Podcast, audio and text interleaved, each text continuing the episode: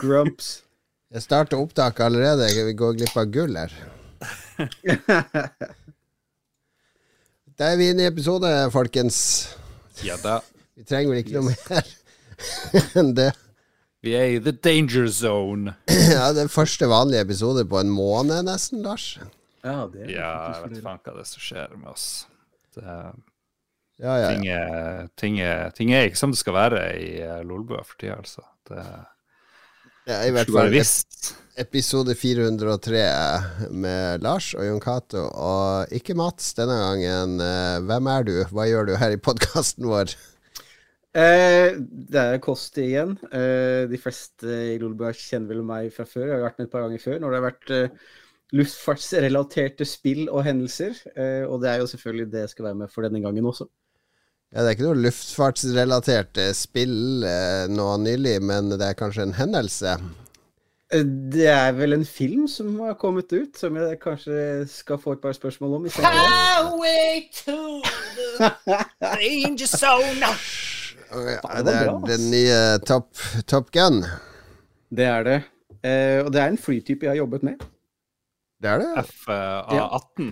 Ja, satt, vi skal, jeg, jeg, jeg, punkt tre i sendeskjemaet er fly og sånt.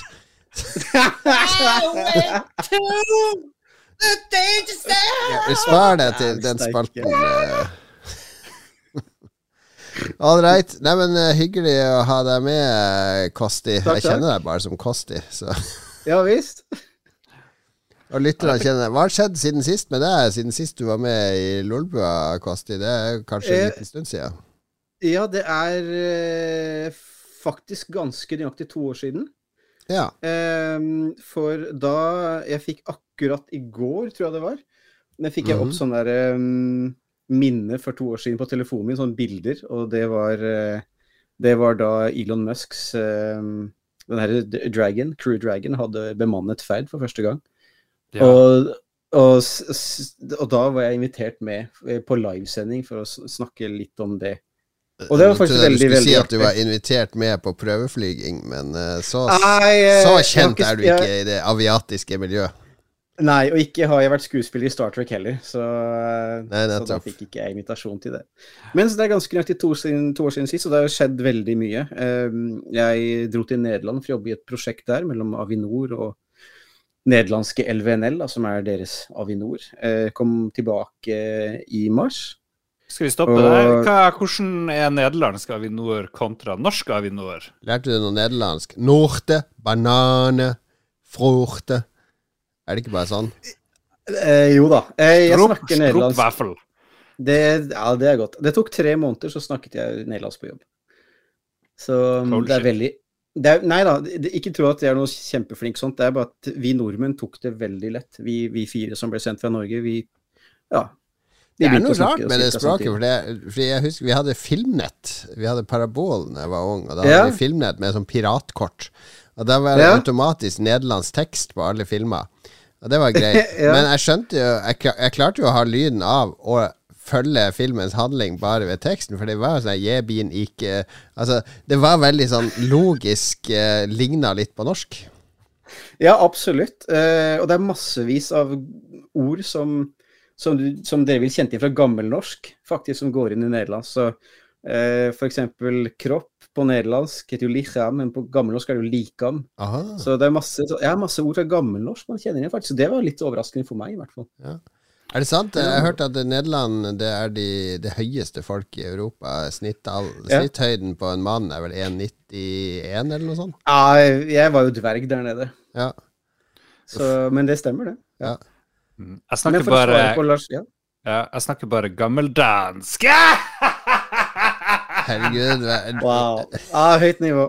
Høyt nivå. Nei, Lars er på- utslitt, men vi, vi, mer Lars senere. Svar videre, Kosti. Jeg skal svare kort på det Lars Rikard spurte om. Det var hvordan var liksom å jobbe i nederlandsk Avinor i forhold til norsk Avinor. Og det var veldig shitty. Det var, det var helt forferdelig. Det var skikkelig dårlig. Ja, De var ikke forberedt på noen ting. De, de hadde ikke gjort jobben sin i det hele tatt. Så etter Nei da, etter nesten to år, eh, så Undrer at flyene ikke krasjer hele tida nede i Nederland. eh, Det har skjedd. Men kan det ha noe med at det er fullt uh, streikekaos på Schiphol, sånn at de flyvelederne i sympati de bare Nei, fuck it, du lander hvis du kan. Eh, nei, Den det er høy. sånn. De driver og røyker heroin hele dagen. Uh, Ja. give me Røyke heroin og microdoser. Nei da. cheeseburger royal, le Big Mac, uh, give me the Og så videre. Jeg spiste. Le Big Mac der nede. Det var det, det er i Belgia det han snakka Ja, om. royal with cheese. Det, Royal with cheese. Nei, det ble Bare avsporing. Jeg beklager, Kosti. Fortsett. Nei, det går så bra, altså. Nei, det var helt forferdelig å jobbe der. Det var grusomt. Eh, Det var ikke det minste gøy. Så etter nesten to år så, så ga jeg de fingeren og sa at det her gidder jeg ikke mer. Det, er, det, her, er, det her er jeg ikke med på lenger. Det, det, er, ikke, det er ikke verdige arbeidsforhold. Nei. Og da fant du ut Da drar jeg til Harstad! Oi, oi, oi. Dro Så- til verdens navle. Ja, ja, ja. Det, det skjedde jo litt i Nederland, eller ikke i Nederland, i Europa rett etter at jeg kom til Norge. eh, Og det var jo Ukrainas situasjon. Ja. Og da ble deler av luftfartsverden snudd på hodet over natta. Ja. Da ble plutselig behovet for de med militær erfaring ble kjempestort. Og da ble jeg bare ringt opp eh, av Agner og sagt ja, du, du har jo den erfaringen, du, kan du komme deg til Andenes sporenstreks og jobbe der? Og så blir det Evenes etter hvert. For det er liksom, vi har ikke all verdens å tilby nå rett etter korona og sånt, så vi har ikke vi, vi, vi, vi har ikke så mange plasser ledige. Så ja, selvfølgelig skal jeg være med og hjelpe til med det. Og det har jo vært ganske actionfylt, faktisk. Ja.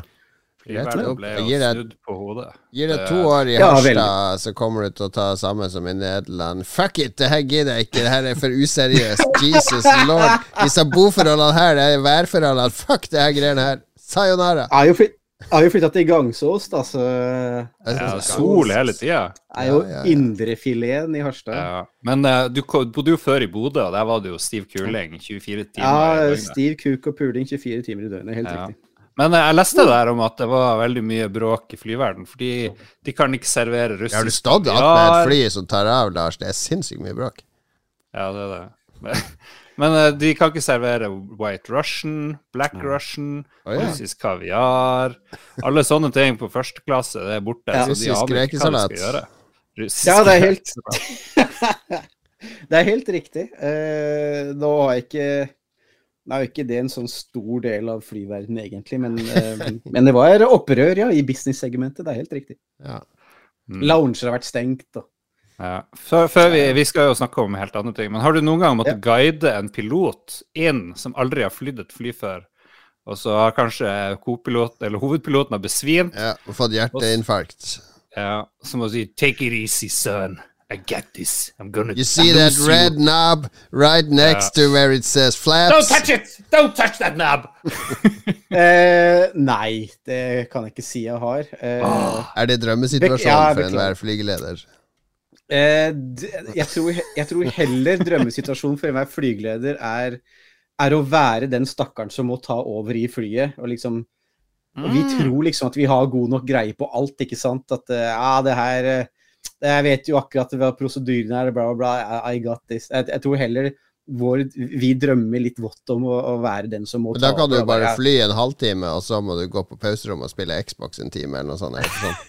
Ja, eller, eller, eller, eller legge meg. Ja, eller legge. Ja, ja. Min, min kusine er flygeleder, eh, så jeg, jeg vet alt om uh, at de har Xbox og hvilerom og alt jeg vet at dere har. Det må være konsentrert, fokusert. Ja. Jeg skal spørre deg etterpå om hvem det er, så jeg kjenner henne garantert. Det gjør du helt sikkert. All right, Yes. da jeg tror vi begynte på flyspalten allerede, men takk for oppdateringa, Kasti. Lars, eh, jeg har Takk, sett takk. noen dramatiske snaps fra huset ditt. Hva er det du holder på Ah. med? Vet du hva, jeg har gjort en stor big mistake. Jeg har begynt å rive gamle peisen. Jeg har allerede revet veggplaten, og nå har har du revet, eller har du betalt folk for å rive? Eh, Begge deler. Jeg rev mye rart, men Ja. ikke peisen. Den har, var det en fyr med en sånn meisel eller en sånn svær sånn bor. Ja, det er drittarbeid. Og det er så mye stein i en svær, gammel peis, og det er sikkert ett tonn. Jeg kødder ikke. Det må være minst et tonn. En peis to. på et tonn, det er jo brutalt. Og, eh, og da fikk jeg dårlig feeling, og det her gidder jeg ikke liksom å kjøre lass etter lass til uh, dynga. Så jeg bestilte container, Ja. Kom en 10 Kubix-container deisende inn. Prøvde først å få han til å legge den på plenen, så sa han og da han, sjåføren så hva jeg skulle ha oppi der, sa han du, vi kommer kanskje ikke til å klare å løfte den, fordi den må stå i sånn rar vinkel, og bilen kan tippe. For det er sånn eh, mange meter ned til plenen min. Ja. Og så sa jeg ja, sa nå han lengst inn i oppkjørselen, og han knuste et par trær. Eh, og det var med vilje, det hadde han fått lov til, fordi det henger masse trær over innkjørselen min. Men han skulle sette ned, sette ned den der uh, containeren, så kom det først oi, kom det først ned en sånn støttegreie på, Ja. på bilen. For liksom Ja, det var det, ja. skal Og da bare går han faen meg 40 cm ned i asfalten min. min råtne asfalt. Det baller på seg oppe i sida. Uh, og det er like ved siden av grunnmuren ved siden av. Ja. Så kanskje den begynner å dette. Du har kjøpt katta i seg. Har du forsikring? Sånn der overtakelsesforsikring, så du kan saksøke mora di i huet og ræva? Hvis det er Ja, lov å si. faen. Jævla mamma drev og lurte meg. Nei, nei, mamma, jeg tuller. Du har ikke lurt meg. Jeg elsker deg. I love you, mom. Men det ser jo ikke ut eh, Men har du en plan med hva du skal gjøre etterpå? Altså, du har en langsiktig plan med hvordan det skal bli i stua og sånn? Ja, sånn passe! Først må man rive, ikke sant. Se, for det var ingen som visste hvordan det så ut bak den her peisen, og hvordan var veggen egentlig. For den var kledd inn av mur, og den andre sida var kledd inn med masse tapet, så ante jo ikke. Men det var bare en sånn ganske enkel eh, lettvegg, egentlig. Der, så Nei, det ser helt jævlig ut. Det ser det skal, så jævlig ut. er det tanken at det skal være klart til august, når Annegro Mm. og familien skal flytte inn? Jeppidu. Det er ikke Annegro som har regi på hvordan det skal se ut, og hva som skal gjøres. Det er du. Det er et galt geni ved navn Lars Ricardo. Det, som- det gjør meg umiddelbart skeptisk. Jeg vet ikke hvorfor. Jeg tar det litt som på gefühlen. eh, Det her blir din hele greia. sommerferie, rett og slett. Å vasse i drit hjemme. Og, og min uh, kjære snekker var veldig snill, veldig Ja. hyggelig. Jeg fikk en polsk øl av han i dag. Han, uh, og det var den beste øla de hadde, så jeg gleder meg.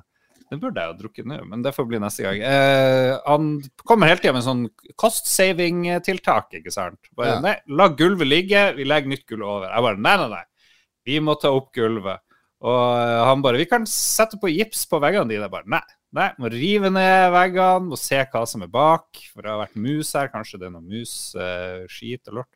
Men alt blir revet der, er alt helt tipp topp, så det var kanskje ikke noe vits. Men eh, det er jo noe med det derre Huset bygde i 74, og veggene har vært der siden Ja, altså, det, det er er jo masse noe- drit. Det er noe med at hvis du først skal gjøre det, så gjør det noe ordentlig. Så kan du bo der i 20 Ja. år eh, og trives, i stedet for å gjøre det halvveis og gå og irritere deg i 20 år.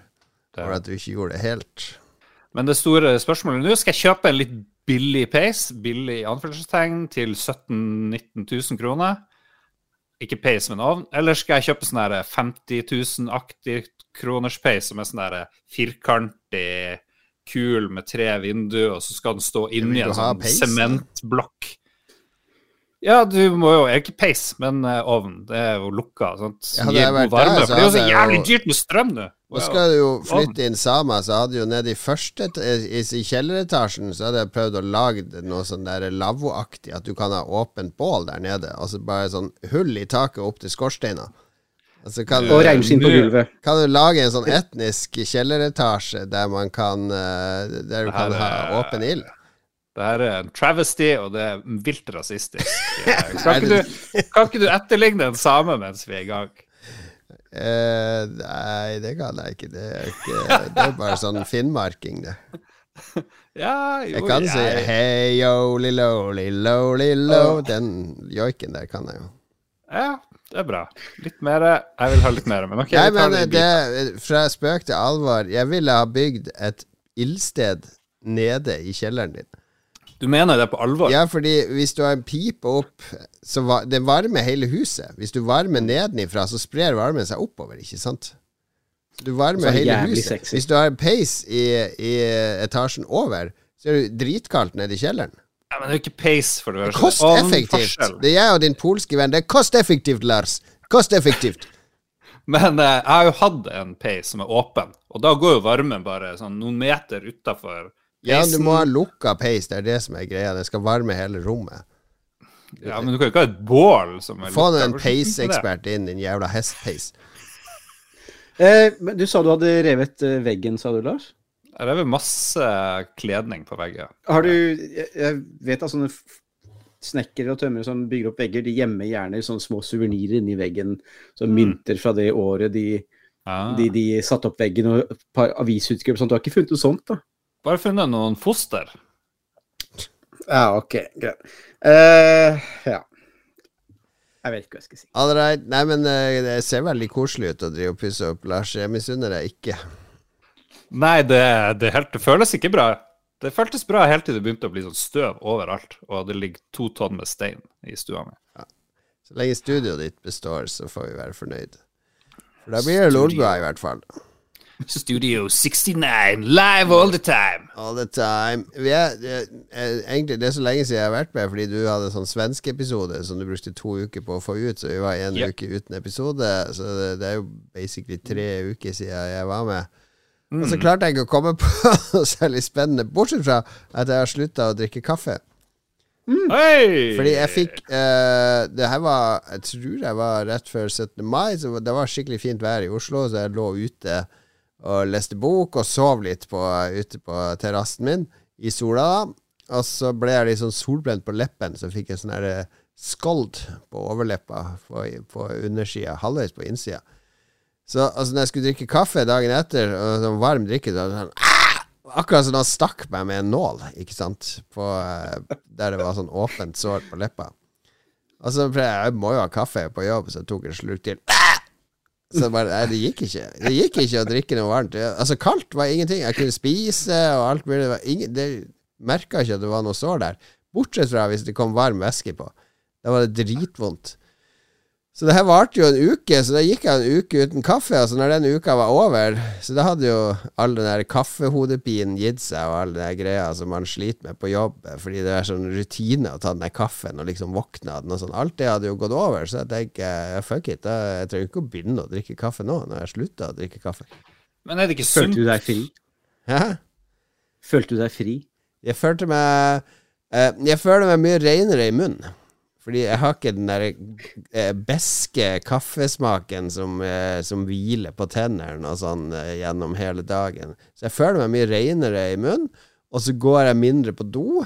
Jeg bæsjer bare én gang om dagen nå, til info. Så det holder i massevis. Jeg bæsjer hver morgen, og så, så går jeg gjennom hele dagen uten å bæsje noe mer.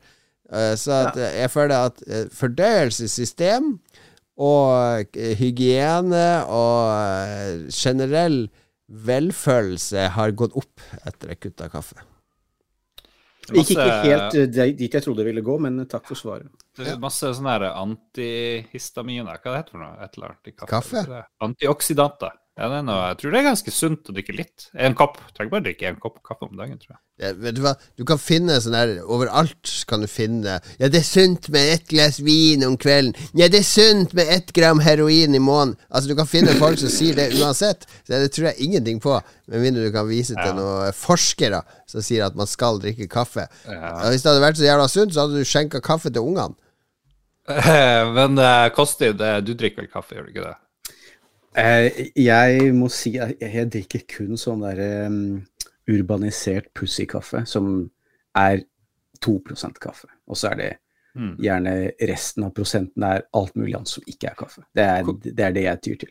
Hvor stressa er flygelederne? Eh, Er det mye kaffe, mye røyk? Bare ah, shit, nå kommer det to fly! Å nei! To fly samtidig! God damn! Eh, det, med, det med kaffe er helt sant. Det er eh, vi, vi, eller ja, mine kolleger vi konsumerer en hel, en hel masse kaffe. Det er, det, er, det, er helt sant. og Det er, Ja. stemmer Men- klisjeen. Men Men men røyk Nei, det er ordentlig sterk kaffe. Det er kun jeg som Mm. drikker pussykaffe, eh, okay. og ingen andre. Eh, men når det, gjelder, når det gjelder røyk og sånt, så, så er det en sannhet med modifikasjoner.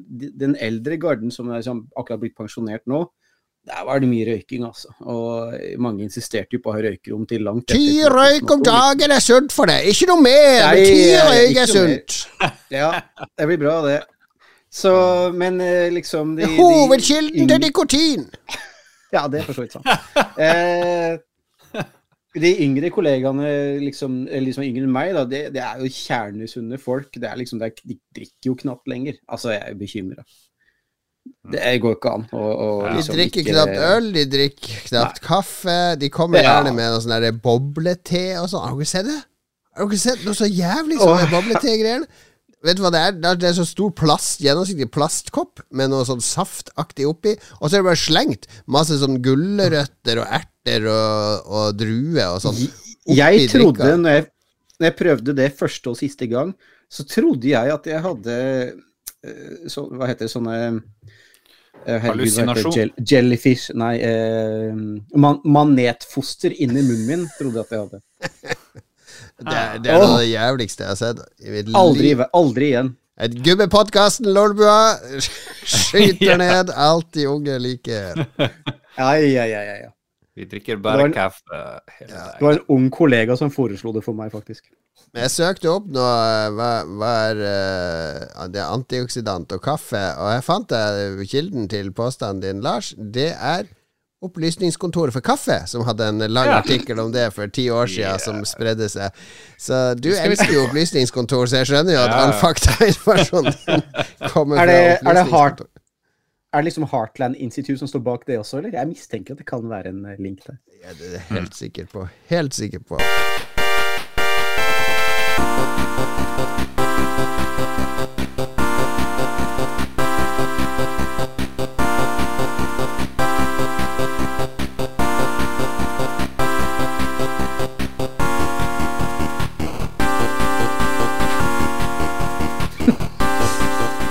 Altså litt deilig musikk fra P47 Freedom Fighter. Fordi, til ære for deg, Kosti, så har jeg kun musikk i dag fra flyspill. Oh, Ja, eh... Og hva he den, den låta som du kjørte der, har da også en link til Top Gun, den første filmen. Vet du vet du hva det er? P P47 Free, Den låta her? Eh, Freedom Fighter var da de flyene som i Top Gun brukte som russiske fly, som de bare malte svarte og kalte MiG-28. Ah. Nå må jo jeg innrømme, det vet du kanskje hvis du har hørt på Lolbu, jeg har aldri sett Top Gun. ja, det går Nei, jeg an. vet det, det vet jeg. Ja, det er enorm løgn. Det går ikke an å ikke jeg vet at det er eh, sånn dusjing og noe strandvolleyball, og så sitter de ofte på sånn briefing, og så flyr de litt fly, og kjører litt motorsykkel. Og så jo Kelly McGillis med, Story, Og så er det jo min favorittprodusent. Jeg ga deg jo boka. Han, eh, Ja, ja. han Don Simpson og Jerry Bruckheimer og regi, regi av Tony Scott. En uslåelig kombo Ja. som eh, Jeg kan ikke forstå at du ikke har sett den filmen der. Nei. Nei, Og så er, det, så er det noen sure flygeledere med også, faktisk. ja, det må til. Nettopp. Er Ja. Er ofte skurken i sånne filmer. Ja, vi, ja, ja, ja, det er også skurken i virkelig liv også. Men er det pff, Ja, jeg kan jo ikke se den oppfølgeren heller, siden jeg ikke har sett uh, forrige. Vi skal prate mer om Top Gun etterpå, men nå må vi holde oss til spill eh, litt til. Det er tross alt en spillpodkast. Vi skal snakke om hva vi har spilt i det siste. Og Lars, har du hatt tid til å spille i det hele tatt med Ja. giverprosjektet? Jeg spilte noen minutter eh, noe free to play på do, som jeg måtte spille til eh, Nordic Game. Og eh, det eneste jeg ikke har sletta, tror jeg er Crash on the Run. Hva er det for hvor jeg akkurat rekker å Nei, det er Crash Bandicoot free to play, eh, sånn her jungle run-greier. Endless Runner? Ja, nei, det er ikke endless, det er levels, og så er det bosser på slutten. Men det er tre lanes du kan springe i, og så kan du hoppe, og så kan du snurre og skifte lane. Og det, Det er jo sånn som mange ungene spiller sånne type spiller. Temple Mm. Run og sånn. Ja, det noe Temple Run-drit. Også, Men problemet er jeg har ikke kommet lenger enn Jeg er fremdeles på som bane fem, og det er enda på tutorialen. Oh, ja. Og så henger banene i lag, så hver gang jeg ikke gidder å spille videre, og mobilen liksom skrur seg av, eller spillet skrur seg av, så må jeg begynne på nytt på tutorialen. Så jeg har enda ikke klart å komme forbi den, selv om jeg har spilt det sikkert fem ganger. det spillet. Så, men eh, det virker helt OK. Helt OK. Ikke årets beste spill eh, i Norden eh, håndholdt, dessverre. Jeg beklager, lytter, hvis du kom hit for innsikt i eh, de analyser i spillet og sånt. Ja. Men du får den der, du kan få plukke opp de der hjelmene eller de der maskene, så sier han 'Olaboga'. Det er med fortsatt. Ja, eller ja, jeg tror det. er Jeg det, nesten det er jo racist. er Ja, det? det, det er å tenke at det burde Ja. jo nesten være cancelled. I all verden er som skjer. Lars tar av seg headsetet. Ja, det hørtes sånn der bråk. Jeg blir livredd for at noe skjer. Men jeg har en kompis Jeg- som driver eh, har kommet for uh, Jeg må lukke igjen vinduet. For å hive mur i uh, containeren. Er det vår legevenn Kian? Jebbidu. Han elsker å komme og jobbe. Han elsker Ja. å komme og jobbe. Han er top tier, terninga seks-kompis, altså. Det er ingen tvil. Ok, Lars skal lukke døra. Kosti, da. Er det noe eh, Det blir jo gaming. Kan jo bli gaming både på jobb og hjemme. Ja da, bevares. eh, Det kan det. Ehm, Jeg har gått litt tilbake til EVE Online. Oi! Eh, Jeg spilte det veldig mye back in the day. Eh, Og det har jo holdt koken i 19 år. Ja. Så Mm. for litt siden fikk jeg litt sånn innskytelse. Pokker, nå skal jeg prøve det igjen. Og det var jo samme basisoppskrift eh, som før, eh, heldigvis. Eh, men veldig mye nytt og mye staffasje rundt, som er ganske underholdende. Det må jeg, det må jeg bare si. ja. Eh, ellers har jeg også spilt et annet spill som heter Get the Fuck Out. Vet ikke, Men du må jo ikke gå opp så fort forbi nei. eh, i online. Ah, OK, ok, greit. Jeg har Men også når... prøvd i online. Jeg har aldri kommet sånn 100 inn i det. Jeg har prøvd å være Nei. med i en corp og sånne ting, men Mm. jeg, jeg faller, faller du, Man må liksom være i en gruppe for at det skal være skikkelig gøy i online. Eh, Ja, altså det kommer jo helt litt an på hvordan har du lyst til å spille EVE. Det er det som er, jeg syns er fint med EVE, at det, det lar deg Det er veldig åpent i forhold til deg, og det er jo det som er meningen med en sånn mmorpg. Ja. At det skal være veldig opp til deg, og den biten syns jeg de har fått veldig bra til, da. Um, så Men det er Du klart spiller helt alene, alene. Ja, akkurat nå spiller jeg helt alene, for jeg prøver å få tak i de gamle kompisene jeg spilte med før, for å lure de med. Men uh, det er jo det vanlige, da. Oppussing og unger og familie og sånt, ikke sant. Uh, men jeg, jeg tror jeg- skal få et par av de med. Men hva skjer når karakteren din, når du ikke har gjort noe i mange år? Kunne du sette han til å mine noe år eh, en eller annen gang, og så mine han Nei. ti år? Det kan du ikke, men det du kan sette den til, er liksom å levele opp da med sånn derre Altså, du, du kjøper sånn skills, kan du si, da, for, for penger du tjener i spillet. Eh, og og de, de skillene kan du trene i liksom, i bakgrunnen hele tiden. Så det kunne du faktisk gjort. Altså, du kunne hatt en som var liksom level 30 000 eh, og, og, på den tida. Det hadde gått fint, da. Ja. Men det gjorde du ikke. Ja. Eh, nei. Men hvor det var, Det er så mye du kan gjøre der. Du kan mine, du kan uh, Ja. bygge Jeg husker jeg bygga sånne greier på planeter for å extracte Ja. ting og så Yep. Mm. Eh, det, hva, er det du, hva er det som gir deg glede når du spiller det? Eh, det som gir meg glede med å spille Eve, det er å sette opp en stor sånn buy order for mineraler som man kan bygge romskip av, f.eks. Eh, og så siden jeg kjøper så stor ordre, så eh, kan jeg liksom gjerne få tilslag på at det koster liksom 5% mindre da, enn hvis jeg skulle bare kjøpt mindre partier. Ja. Og så eh, kjøper jeg en stor, eh, masse, stor bunch med mineraler. Og så legger jeg ut de til litt billigere enn enn det alle andre legger de ut til. Og da nå tjener jeg penger på det og senker pris på markedet, da blir jeg her. Så jeg bare kjøper den. Jeg, for det meste kjøper man. Ja. Kan man være flygeleder? Kan man være flygeleder i EVE Online? Nei, there, Ja, du kan være sånn flåteleder og sånn. Du kan være flåtekommander. Til, til krig. Det Ja. kan man. ja, det kan man. Det har vi gjort et par ganger, i hvert fall back in the holiday. Det var faktisk veldig, veldig artig. Det var, det var kjempegøy. Så jeg, jeg hadde alltid sånne små romskip som var veldig raske, da, veldig vanskelig å skyte på, som bare drev og harassa alle de vi skulle ta, og så fikk de andre ta seg av de, mens jeg bare var sånn vanskelig fyr som var i veien. Ja. Ja. Gøy. Det eneste spillet nesten fra Island. De lager jo ikke andre spill. Så- Nei, det, det er det er litt greier. morsomt. Mora mi er kompis med han ene eieren, faktisk. Oi.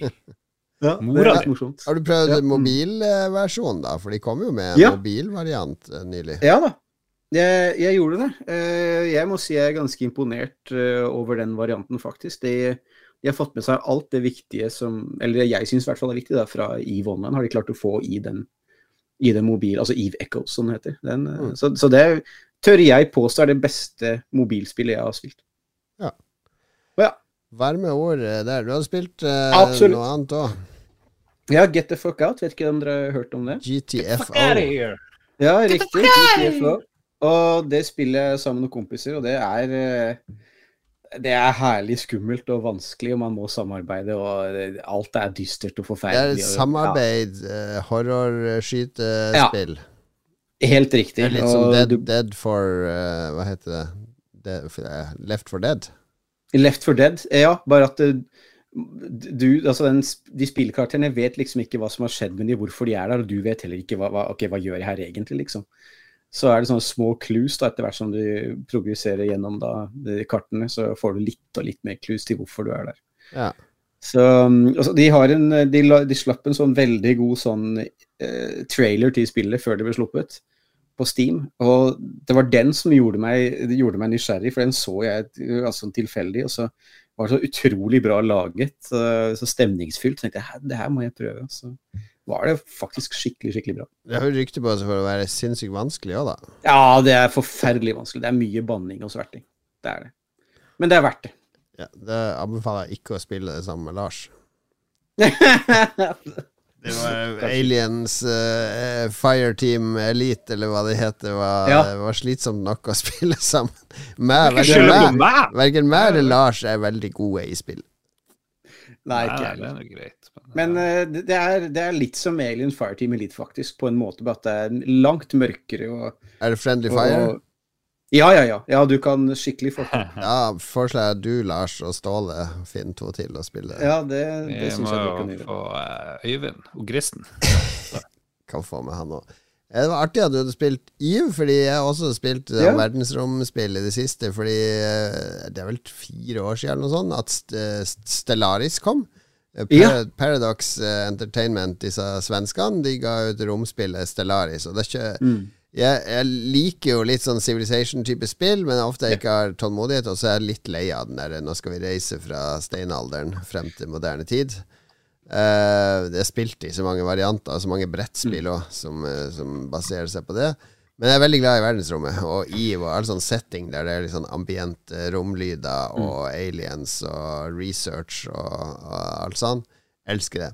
Så Stellaris trodde jeg var for meg, og så spilte jeg når det kom, og da var det jo masse bugs, det var dårlig balansert, mm, ja. så jeg spilte ikke mer enn et par-tre timer, for jeg tenkte ok, som alle Paradox-spill, så lar jeg det ligge, og så skal jeg komme tilbake om et år eller to, når det har fått masse nytt content og blitt eh, bedre balansert. Og det har egentlig ligget helt til nå. Fordi nå i helga så tenkte jeg ok, nå slår jeg til. Kjøpte all DLC-en til Stellaris. Så uh, masse videoer av folk sånn hvordan skal du spille Stellaris, for det er jo uhyre komplisert. Altså, det er masse, masse sånn her eh, mikromanagement med jobber i byer og uh, romskip og kapteiner og scientists og, og egentlig ikke sånn veldig eller, Som alle sånne spill, når du begynner å få overblikk, så skjønner du hva som er viktig og ikke. Men det er mange elementer som man kan drive og jorde med som, man, som jeg ennå langt fra har oversikt over. Så jeg begynte å spille det. Nå har jeg spilt det sikkert 20 timer den siste uka med Human Race, og jeg har starta et nytt spill. Jeg dreit meg helt ut i det første spillet.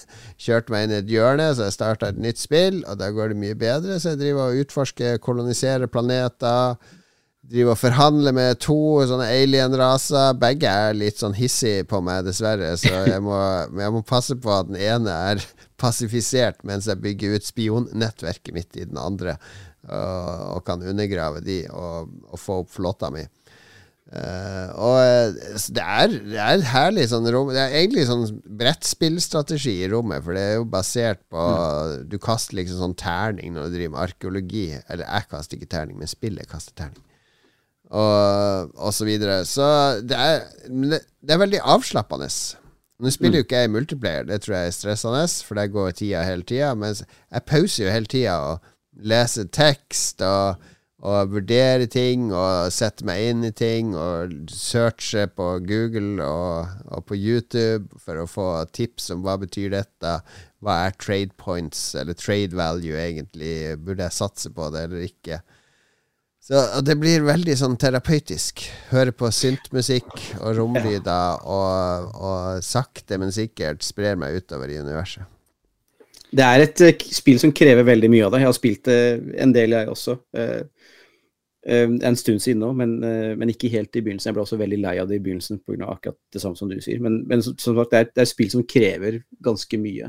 Ja. Jeg tror ikke det, det er nok ikke for alle og enhver. Jeg bruker å spille det på do på mobilen. Det kom vel til PS4 og Xbox òg, ja, ja. tror jeg. Det har kommet. Ja.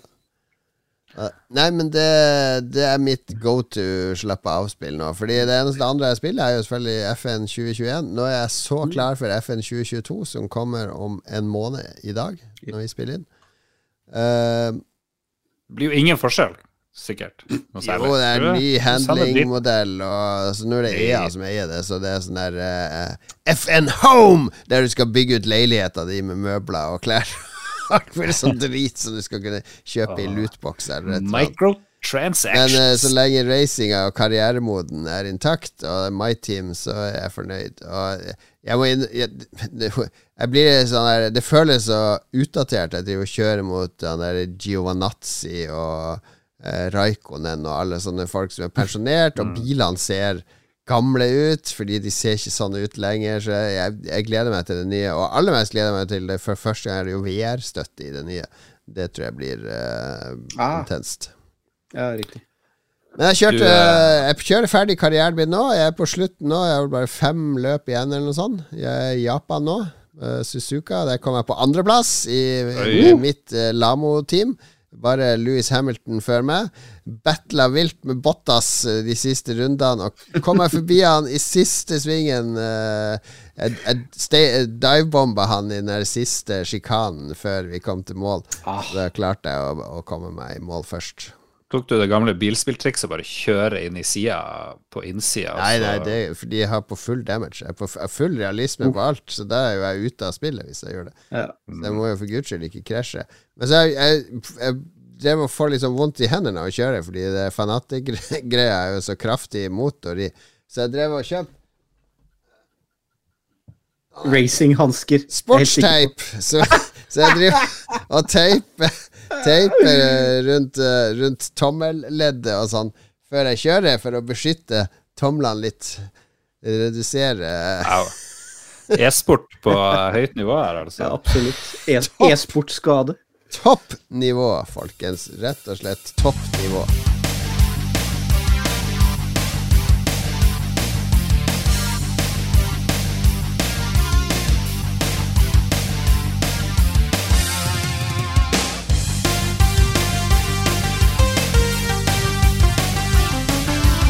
Her snakker vi selvsagt Ace Combat, Uh, med sterkt eh, Sikkert litt inspirert av Tokken, det spillet og den musikken. Det vil jeg tro. Men det var en merkelig Hvilken maskin var det? Det var ikke Commodore 64 eller PlayStation 1. Ja. PlayStation Først, 1. det som, det som het Air Combat før Ja, ja, det, ja. det het Air Combat før de bytta navn til Ace Combat. Ja, for det var vel det ofte sånne trademark-greier. Jeg tror det det var trademark dispute, akkurat som Lilac Yes. Wars. Det er helt riktig. Jeg tenkte på noe som ligna på eh, navn som ligna på Commodore, men hva var det for noe? Det var noe som het var- Ace. Ace 1 Ace. Ja, ja, ja. Det var kult òg, faktisk. Det var Rob Hubbard-musikk. Oh. Men ja, vi snakker om Nå er vi inne i flyspalten, så nå kan dere gå amok og spoile Top Gun Uh, Top Gun Maverick. med Ja. Maverick. Jeg kan prøve å holde spoileren til et minimum, Uh, tenker Er det noe jeg. da. Det er spoil i sikkert den filmen? Det ble good guys som lite. Ja, det, det, ja, OK. Ja. Men uh, jeg kommer ikke over at du ikke har sett Top Gun Jeg, Jeg har sett Iron Eagle. Er ikke det bra nok? Jo, eh, for meg er det Det er bra nok. Det er liksom Det er jo tross alt med Poirot som skurken. Så Ja, stemmer det, David Suchet. Eh, men det er Altså, den andre Top Gun-filmen her, så er det Den er tungt inspirert fra det her oppdraget de må gjøre i Iron Eagle 2. Det er så å si klin likt. De skal gjøre det samme. Så ja. Ja. Det er jo Jeg tenkte også på Iron Eagle, for der er det litt sånn Ja, eh, vi må færre å låne fly litt uh, Ja. sånn shady. Det er veldig dårlig sikkerhet på de flybasene eh, i USA. Og For det er bare å låne. Ja. Ja, bare bare stjele alle flyene hvis du heter Maverick. Men det, ja. Det jeg tenkte litt på han, Maverick er jo samme fyren veldig mye som i den første filmen. Han er litt sånn eh, hothead og, og sånn. Litt klokere, kanskje. Ja. Men driver og kjører motorsykkel uten hjelm. Driver og gjør eh, er helt syke manøver. Eh, Flyr flymaskiner på måter som de ikke er ment for å flys på. Det, det Ja. gikk jo sånn som det gikk med et par av de. Ja, og så driver han og og seiler med en sånn dame uten flytevest. Han bare drar i en sånn nesten skinnjakke fer han ut på havet og styrer på. Men det, det jeg tenker på, det har ikke så mye med filmen å gjøre, men karakteren til Tom Cruise er egentlig en sånn gammel mann som nekter å bli ansvarlig, og som bare er en sånn umoden kis som skal være han der kule. Han minner meg om han der faren i Talladega Nights, som bare er liksom han der dusjen. If you ain't, if you ain't first, you last. ja, ja, ja. Ja, litt sånn. Men ja, ja. Men den har jo fått så sykt god kritikk, og alle elsker den, og republikanerne elsker den. Fikk Ja, eh, det er jo ingen filmkunst, det tror jeg vi kan si med en eneste gang. Det er ikke noe, det er ikke noe snakk om at det kommer til å vinne noen eh, franske filmkritikerpriser her. Men, eh, men det er en solid popkornfilm eh, som Ja. leverer alt det vi vil ha av en, akkurat en sånn film. Tør jeg påstå, i hvert fall. Ok, du er fan. Hva du syns om at de, eh, de, måtte, de bytta ut eh, F-14-ish med F-18? Er ikke like Nei. sexy fly, da? Nei, absolutt ikke. F-14 er jo til min mening det eh, vakreste flyet US Navy noensinne har hatt. Mm. Eh, nå, had, nå hadde de ikke noe valg da den siste F-14 fløy i 2006. Eh, og det var som en forskningsmaskin. Det var rett og slett bare en, en, en testbed for eh, atmosfærisk forskning. Eh, US Navy selv eh, fasa ut den siste F-14 1996, husker jeg ikke helt feil. Så det er noen år siden eh, den fløymaskinen fløy, og det var ikke, det var ikke noen å oppdrive. Ja. Ja. Um, altså, det, det jeg syns er artig i starten av filmen, første fem minutter, eller hva det er, er nøyaktig blåkopi egentlig av Top Gun 1. Det må jeg si er Ja, ja, heftig. Det er bare masse fly som lander og tar av på en, Ja. eh, et hangarfly. Hangarskipdekket. Mm. Åh, med samme musikken òg, faktisk. Den der uh, Ja, Top ja. Team-greia. Så det setter jo stemninga ganske fort. Jeg jobba i mars måned sammen med mm, flygeledere fra US Navy. Som hadde jobba på hangarskip, som uh, jobba, satt i tårnet og hadde erfaringsutveksling med meg på, på Andenes. Det var veldig morsomt å, å høre på uh, hvordan de tenkte flyoperasjoner på, på hangarskip. Det var veldig lærerikt. Har du reiseforsikring hos oss? I hvert fall interessant å sette seg inn, prøve å sette seg inn i litt og, og få det forklart. Og det var jo Det her var jo folk som var halvparten av min alder. Så ja, altså, det var, det var kjempeartig, altså. Jeg syns det var eh, veldig morsomt å høre på det her. eh, En stor, en stor forskjell på en vanlig flyplass og et hangarskip er jo at hangarskipet Ja. det jo flygt av gårde. Det er jo ikke der du tok av, liksom. Flyplassen din har fart i en retning hele tiden. Eh, Nei, Ja så det var, det var moro. Ja. Eh, hva er det når du eh, Ok, eh, kjapt oppsummert, han eh, Yes. Maverick er litt sånn washed out fyr. Han, han gjør alle sur. eh, Yep. Men han Iceman, han Val Kilmer sin karakter Han har spilt kortene rett, vet du. Ja, han driver og passer litt på han, da. Han gjør at han får aldri helt sparken, og så gjør han at han Maverick må tilbake til Top Gun for å lære opp eh, en ny generasjon. Eller de er jo allerede sånn utlært, de pilotene, men de skal dit, og så skal de øve på et sånn suicidalt mission, egentlig. Ja. En helt sånn crazy mission. De har funnet ut at det er noe tungtvern eller noe, jeg vet ikke, la oss si tungtvern, som de Er det ikke de, Æ? Å, som de mekker i bunnen av en sånn dal. Som I omgitt, et det er som, krater. Et et krater. krater. Det er som en sånn vulkan, hvor de Ja, har ja. liksom plassert Ganske sånn urealistisk å plassere noe som helst i et krater, for det er jo helt umulig å kjøre noe ting dit eller fra. Og hvordan skal du få nye ansatte inn i bunnen av en vulkan, liksom? Det er litt sånn Dr. Evil-aktig plassering av noe som helst. Veldig usannsynlig, men for å, for å, eh, å, å angripe det, så må flyene fly veldig spesielt og gjøre helt sånne syke ting. Og det er liksom bare Maverick som er gal nok til å kunne, kunne planlegge og trene opp piloter til å gjøre det. Og så er det, og så er, er det egentlig stort sett filmen, pluss plus litt til. Det er Så litt sånn føleri og sånt, da, og litt sånn Ja, det er love interest. Ja, det er også litt sånn derre The past uh, has uh, caught you, ikke sant. Det er jo litt sånne ting. da. Ja. Men, vi er jo en ja. spillpodkast, men det hele minte meg om et eh, Ace Combat Mission, egentlig. Veldig snart. De, det her, de her brifingene de var på med de kartene i den blåfargen det er, Jeg satt jo der på Ace Combats, tenkte jeg. Og jeg. Er helt sikker på at det er, det er inspirasjon derifra. Liksom det Ja, jeg er Ja. overbevist. Er det noe som helst som er realistisk i den filmen, tror du? Sånn Ja, eh, det er masse som er realistisk i den. Eh, all flyvingen ble faktisk gjort. Ja. Men men det vil si at det, altså selv om all flygingen ble gjort, så, så, betyr ikke det at de hadde de her gale stup-scenene og climate-scenene hvor man liksom trekker 10G. Det, ok, det er tull. Men alle, alle, eh, de aller fleste scenene ble skutt i lufta i baksetet på en, en toseter F-18.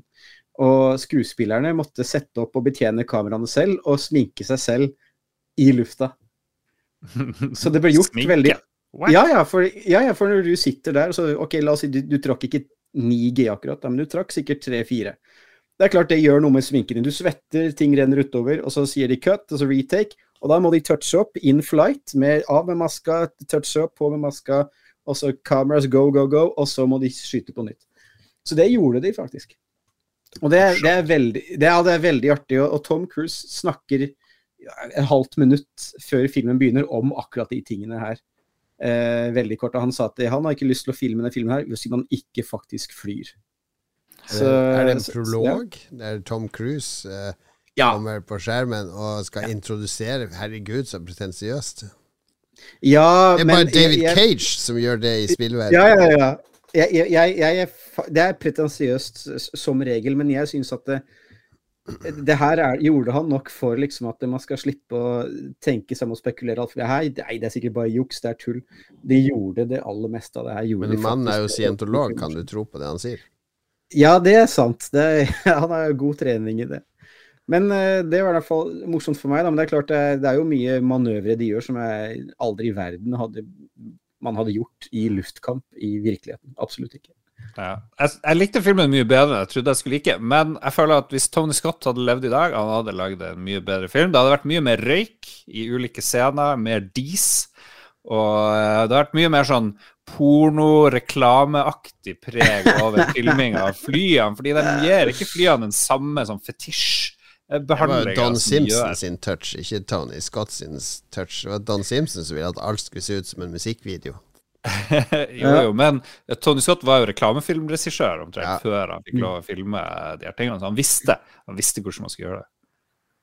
Ja, eh, jeg som er fagmann, ser kanskje litt annerledes på det. Eh, jeg jeg syns det var veldig gøy å se på de her, når de flyr de her dalførene.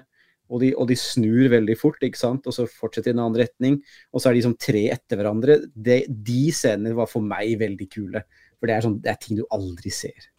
Og, og det ble gjort så presist, det ble gjort så raskt, og det, og det, er faktisk det er ekte flyving. Så for meg var det, var det liksom kanskje enda mer porno enn når man fremstiller litt mer sånn musikkvideoaktig, altså, som du sa, Jon Cato.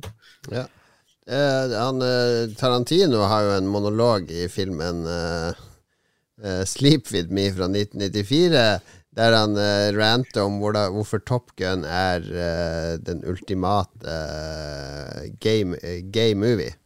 Altså det, det, er så mye homoerotikk i den filmen. Den latent uh, homoerotiske scener. Og den er jo også en kultfilm i gay-miljøet, har jeg skjønt.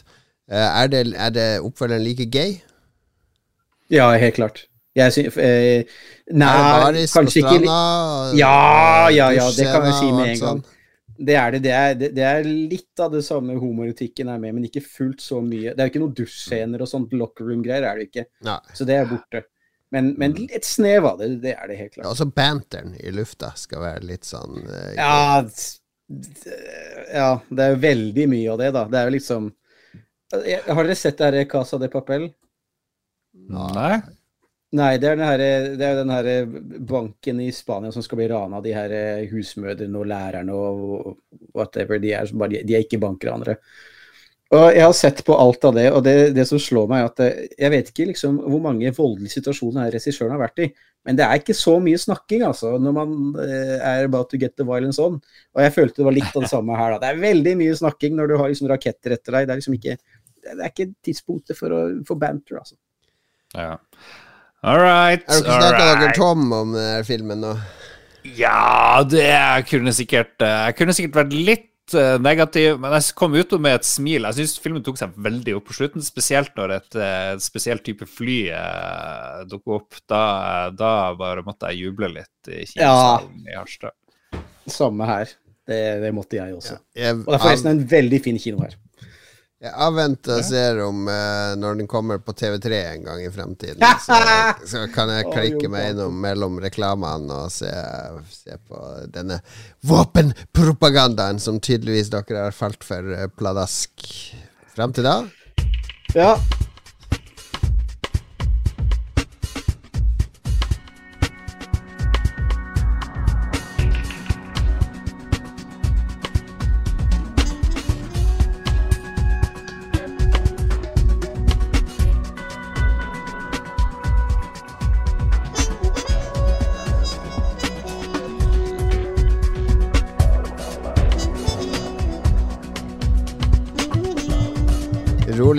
Rolige fra hvilket flyspill? Ace Combat fra brifingscener, er det ikke det? Flight Simulator X. Nei, svarte, det er det. det, er det for... Ja, det er det. Ops. Oi, oi, oi. Der har faktisk Microsoft har eh, gitt ut uh, Mavericks F-18 uh, og noen andre ting, uh, hangarskiplandinger, eh, gratis på alle som har MS Flight Sim. Ja, jeg vet. Jeg har ikke lasta den ned ennå. Jeg lastet den ned rett før vi kom hit. Har du, har du yoke og craps og pads og slicks? Eh, Eh, slicks har jeg ikke. Eh, ikke craps heller. Eh, men jeg har bestilt yoke. Mm. Eh, så det kommer, og det er grunnen til at jeg har bestilt eh, helt ny gaming-PC. Stasjonær. Så da måtte jeg også bestille yoke. Og jeg vil ha yoke, ikke stick. Jeg, jeg skal ikke være noe stick-jockey, jeg skal ha yoke og flypassasjerfyr. Og så tips, du må ikke drive og tromme på mikrofonen. Unnskyld. Unnskyld. Det var ikke det. Hands off. Hands off. Hands off. Nå er det anbefalingsspalte der det ikke er lov å anbefale spill, men andre ting fra livet vårt. Og nå er du langt nede i kjelleren, Lars. Ja da, jeg har jo ikke gjort så mye annet enn å rive ting og kjøre på med ting, men det jeg fikk prøve ut i dag, det var buet bøtte. Buet bøtte, den er på den ene sida av bøtta. Ikke rudd bøtte, men en oval, eller? Den er sånn rund på den ene sida, virker det som, men på den andre sida så er den buet, som betyr at du kan holde den inntil kroppen uten at den dunker. Eh, ikke sant? Så mye mot foten. Så hvis du da bærer masse murstein, som jeg skal gjøre, så ligger den mye mer comfortable eh, inntil sida av det. Og det kjøpte jeg på jula i dag. Fikk prøvd det litt. For jeg la ut en, et bilde av masse murstein på kjøpe, selge, bytte Harstad, og så var det noe med en gang som ville ha. Og, eh, men jeg skrev mot henting. Og vet du hva? Hun hadde dårlige skuldre, så jeg måtte bære alle de her 30 og noe mursteinene. 100 kilo til sammen, eller hva det blir, eh, bort til bilen og stable dem inn i for å Greit nok, jeg gjorde det som en tjeneste, men hvis du kommer og skal hente ting hos meg, det, du må bære det sjøl fra nå av. Alle andre. Godt Jesus lord. Og så har jeg- ja. Og så har jeg det veldig gøy med brekkjern, fordi jeg får, for første gang eh, får lov å rive ting ordentlig. Og det å bruke et brekkjern eh, rett, det er utrolig gøy. Og liksom en kraftfull eh, sak. Du kan gjøre mye skade med et brekkjern. Så du anbefaler brekkjern, altså? Ja, hvis du står oppå en fyr, putter brekkjern i kjeften på en fyr, og så bare oh, vipper litt Du kan få ut noen tenner og sånn ganske fort. Ja. Ikke få av kjeven og masse greier. Gordon Freeman bruker jo brekkmenn i Half-Life. Det er jo et ikonisk spillvåpen. Men det må være et ganske lett brekkjern, for de bare å drive og slå rundt med brekkjern, det, det virker ganske tøft hvis det er et stort et, Sånn sånn Du ordentlig. må ha litt muskler, Lars. Ja. Uh, men uh, Wow. ja. Beklager den voldsfantasien. Jeg vet ikke hvor den kom fra. Men jeg vet hvor den kommer fra. Den kommer fra oppvisninga di, de voldsfantasiene. Det er mye frustrasjon som melder seg Ja. når man holder på. Men eh, det er dårlig ja. Du må jo lese på senga og sånn eh, i mellomslagene. Ja, det jeg har gjort Ja, vet ikke hva, det kan jeg anbefale. Nei, det kan du ta neste gang, for jeg vet at det blir like dårlig neste gang. Så nå tar du og noterer deg ned det, og så tar du det neste gang. Skal du få lov å anbefale brekkjern og bua bøtte i denne episoden. Yeah, baby. For Min anbefaling er ikke så mye bedre. Jeg, jeg har også måttet grave litt i hodet. Jeg har sikkert masse jeg kan anbefale, men det eneste jeg kom på, er at jeg oppdaga noe som jeg aldri Jeg er jo veldig konservativ med spising. Jeg kan What? gjerne spise de samme tingene hver dag. Variere. Kanskje kan variere mellom to-tre til burger, pizza og Jeg kan spise sushi av og til. Det er greit, men det er ikke noe favoritt.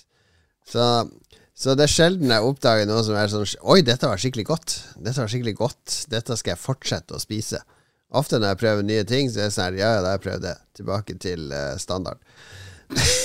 Men denne har jeg faktisk prøvd to ganger. Første gangen da jeg prøvde det første gang, bare Wow, dette var godt. Og så måtte jeg prøvde det andre gang og, uh, for noen uker siden. Og ja, det var faktisk veldig godt. Og det er uh, en vietnamesisk bagett. Uh, med noe så trasig som lemongrass beef. Jeg har ennå ikke skjønt hva lemongrass er. Er det, sånn, er det, noe som heter sitrongress på norsk? Ja, sitrongress heter det på norsk. Stemmer det. Ja. Og det, det høres veldig trasig ut. At, noe, at, man skal ha sitrongress i en rett. Hvordan fant du på å bestille det her, da?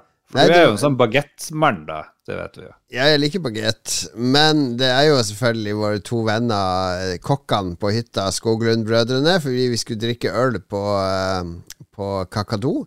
Og denne ligger i Torgata. Uh, noe som heter Desan Asian Street Food. Ligger i Torgata i Oslo. Uh, aldri vært innom der. Det ser jo bare ut som trasig, kjedelig korean... Nei, vietnamesisk butikk. Jeg har ikke noe der å gjøre. Da går jeg heller på burgerstedet rett eh, borti der, eller kebabstedet over gata. Men de bare 'Vi må ha en matbit før vi går inn', så ja, jeg er litt sulten. Og så gikk de inn der, og så bestilte de denne eh, lemongrass beef extra spicy på uh, Disen. Og så tenker jeg ja, ja, siden de gjør det, jeg stoler, jeg stoler på dem. Jeg stoler blindt på folk eh, som har peil, ikke sant. Hvis noen har peil på bil og sier du bør kjøpe den bilen, da gjør jeg det. Hvis noen har peil på mat og sier denne bagetten er god, ok, den er det. Så jeg kjøpte den, og den var sinnssykt god. Var akkurat passe spicy, det er med biffkjøtt, og hva det der sitrongresset er, det har jeg ikke skjønt ennå. Det er vel inni der et eller annet sted. Det smaker ikke sitron av den, i hvert fall. Ikke gress heller, tydeligvis, da. Nei, ikke gress heller. Så jeg var, kjøpte den på nytt uh, en annen dag, når jeg var traska i byen og skulle møte kona mi. Og den var faktisk like god. Jeg spiste hele Så vietnamesisk bagett med lemongrass beef, extra spicy, på Decent Asian. Street Food i Torgata. Jeg lover, Lars, neste gang du er i byen, så skal vi spise mm. vietnamesisk bagett. Og da en vietnamesisk sigarett etterpå. For det var det jeg skulle spørre om. Tok du en sigarett etter en bagett? Og det fikk vi confirm. All right. Har du noe å anbefale, Kasti? Ja, jeg leser eh, boka, den siste boka til Andy Weir akkurat nå. Uh, ah. det, Andy Weir er mannen som skrev boka The Martian, som, yeah. uh, som jeg regner med de fleste har sett. Og så skrev han oppfølgeren uh, 'Something' på månen, som bare var drit. Ja, spør du meg? Ja, den var ikke noe særlig. og så har han skrevet den herre Hail Mary, som den heter. Og der har han funnet tilbake, føler jeg, i hvert fall til mye av den humoren og det som gjorde, gjorde det litt, litt lettlest, men samtidig morsomt og, og sånn herlig sci-fi-aktig. Eller sånn typisk gammeldags sci-fi. Project, Project Hail Mary heter den. Project, ja. Unnskyld, Project Hail Mary. Helt riktig. La meg gjette. I Marsen så strandes en fyr på Mars og må klare seg mm. sjøl. Her strandes en person i uh, orbit rundt jorda og må klare seg sjøl. Eh, nei. Nei. Men han strander i orbit og må klare seg selv. Det er helt riktig. Men ah. ikke rundt jorda. Nei. Okay. Ja, men uh, uansett, uh, litt morsom. Uh, det, det er gode, gamle humoren som han egentlig var flink til den første The Martian. Har, har han klart å finne tilbake til. Og ja, morsomt. Det er fornøyelig sci-fi-lesning for alle de som liker litt mer klassisk sci-fi, men kanskje på en litt moderne måte. Ja. Kan jeg må orbit rundt månen? Saturn? Mars? Det er en av våre nabostjerner. Oi, Jesus, langt unna. Er det langt er det sånn far sci-fi uti Er det nær sci-fi? Det... Det, det... det begynner vel som Ja, det er vel for så vidt nærtid sci-fi, ville vel jeg si, egentlig. ja. Men i et annet solsystem, det gjør det jo helt uh, urealistisk. Mm, ja, det er det, men det er jo sci-fi, så det er jo liksom uh, Det er jo kun uh, Det er kun fantasien som setter grenser. Jeg liker kun realistisk sci-fi som Star Wars.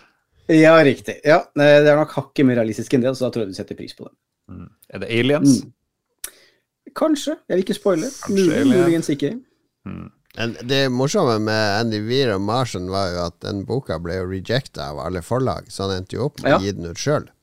Uh, mm. Så det var en self-published uh, bok uh, ja. som, som, jeg syns var litt gøy, da. Ja, mm. ja jeg også. Koser meg med den. Jeg har, eh, jeg har en eh, overraskelse til Kosti. Og oh! siden det nærmer seg musikk her, så tenkte jeg skulle fremføre en sang spesielt til Kosti Eriksen, og også for så vidt Jon Cato Lorentzen. Tusen takk. Takk. Watching every motion in my foolish lover's game. Bom, bom, bom.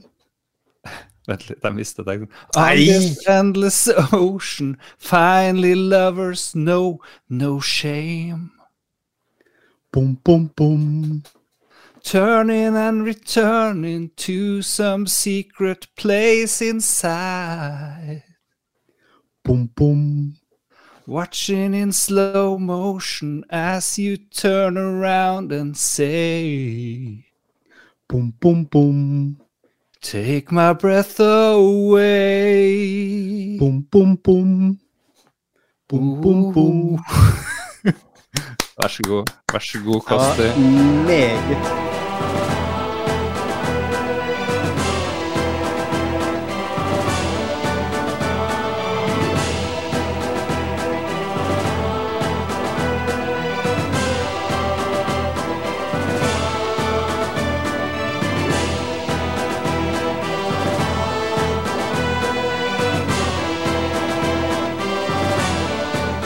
Av mine favoritt-flyspill, faktisk. Eh, fordi jeg begynte å lete etter musikk fra flyspill, og så begynte jeg å tenke hva, hva finnes det egentlig av flyspill? Og så kom jeg på dette. PlayStation 2.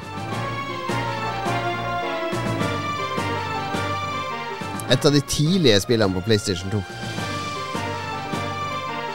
Flyspill. PlayStation 2 tidlig. Det heter Sky Odyssey, og det var, du flyr et sånn rødt, gammelt eh, fly i eh, sånn jungel, masse øyer og sånn, og du var på jakt etter skatter. Du fulgte sånne kart og skulle Ja. finne skatter. Og det var liksom sånn her japansk eh, Ja, det var japansk eh, spill. Ja, riktig. Altså, altså var, men det var et eller annet sjarmerende med det. Det var sånn Indiana Jones i et fly. Du gikk aldri ut av flyet, så det handla om å fly og explore og finne ruiner og landingsplasser. Og jeg digga det skikkelig. Var det ikke på coveret så var det ikke noe som gikk fra ett fly til et annet på sånn taustige eller et eller annet sånt? Var det det?